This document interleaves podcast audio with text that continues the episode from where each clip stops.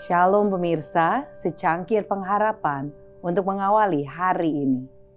Ingatlah dengan bersuka cita titik-titik terang dalam hidup. Tali pengukur jatuh bagiku di tempat-tempat yang permai. Ya, milik pusakaku menyenangkan hatiku. Mazmur 16 ayat 6. Apakah tidak pernah ada titik terang dalam pengalaman hidupmu?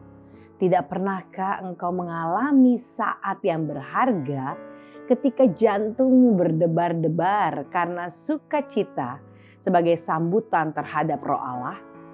Ketika engkau membuka kembali buku pengalaman hidupmu di masa lalu, tidakkah engkau menemukan beberapa halaman yang menyenangkan?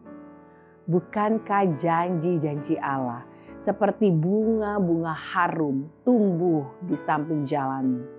Tidakkah engkau akan membiarkan kecantikannya dan keindahannya mengisi hari-harimu dengan sukacita?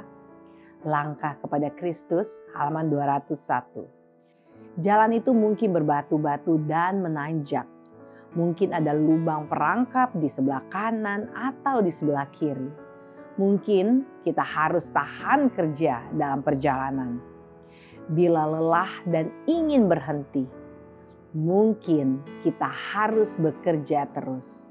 Apabila lemah, mungkin kita harus berjuang. Apabila putus asa, kita harus tetap berharap.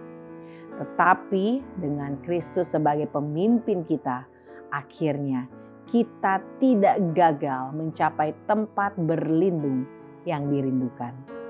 Kristus sendiri telah menginjak jalan berbatu-batu itu sebelum kita dan telah memuluskan jalan untuk kaki kita. Dan sepanjang jalan curam yang membawa kepada kehidupan kekal, terdapat sumber mata air sukacita untuk menyegarkan yang lelah. Khotbah di atas bukit halaman 157. Ya Tuhan, Engkaulah bagian warisanku dan pialaku. Engkau sendirilah yang meneguhkan bagian yang diundikan kepadaku. Tali pengukur jatuh bagiku di tempat-tempat yang permai. Ya, milik pusakaku menyenangkan hatiku. Mazmur 16 ayat 5 dan 6. Demikianlah renungan kita hari ini. Selalu mulai harimu dengan secangkir pengharapan.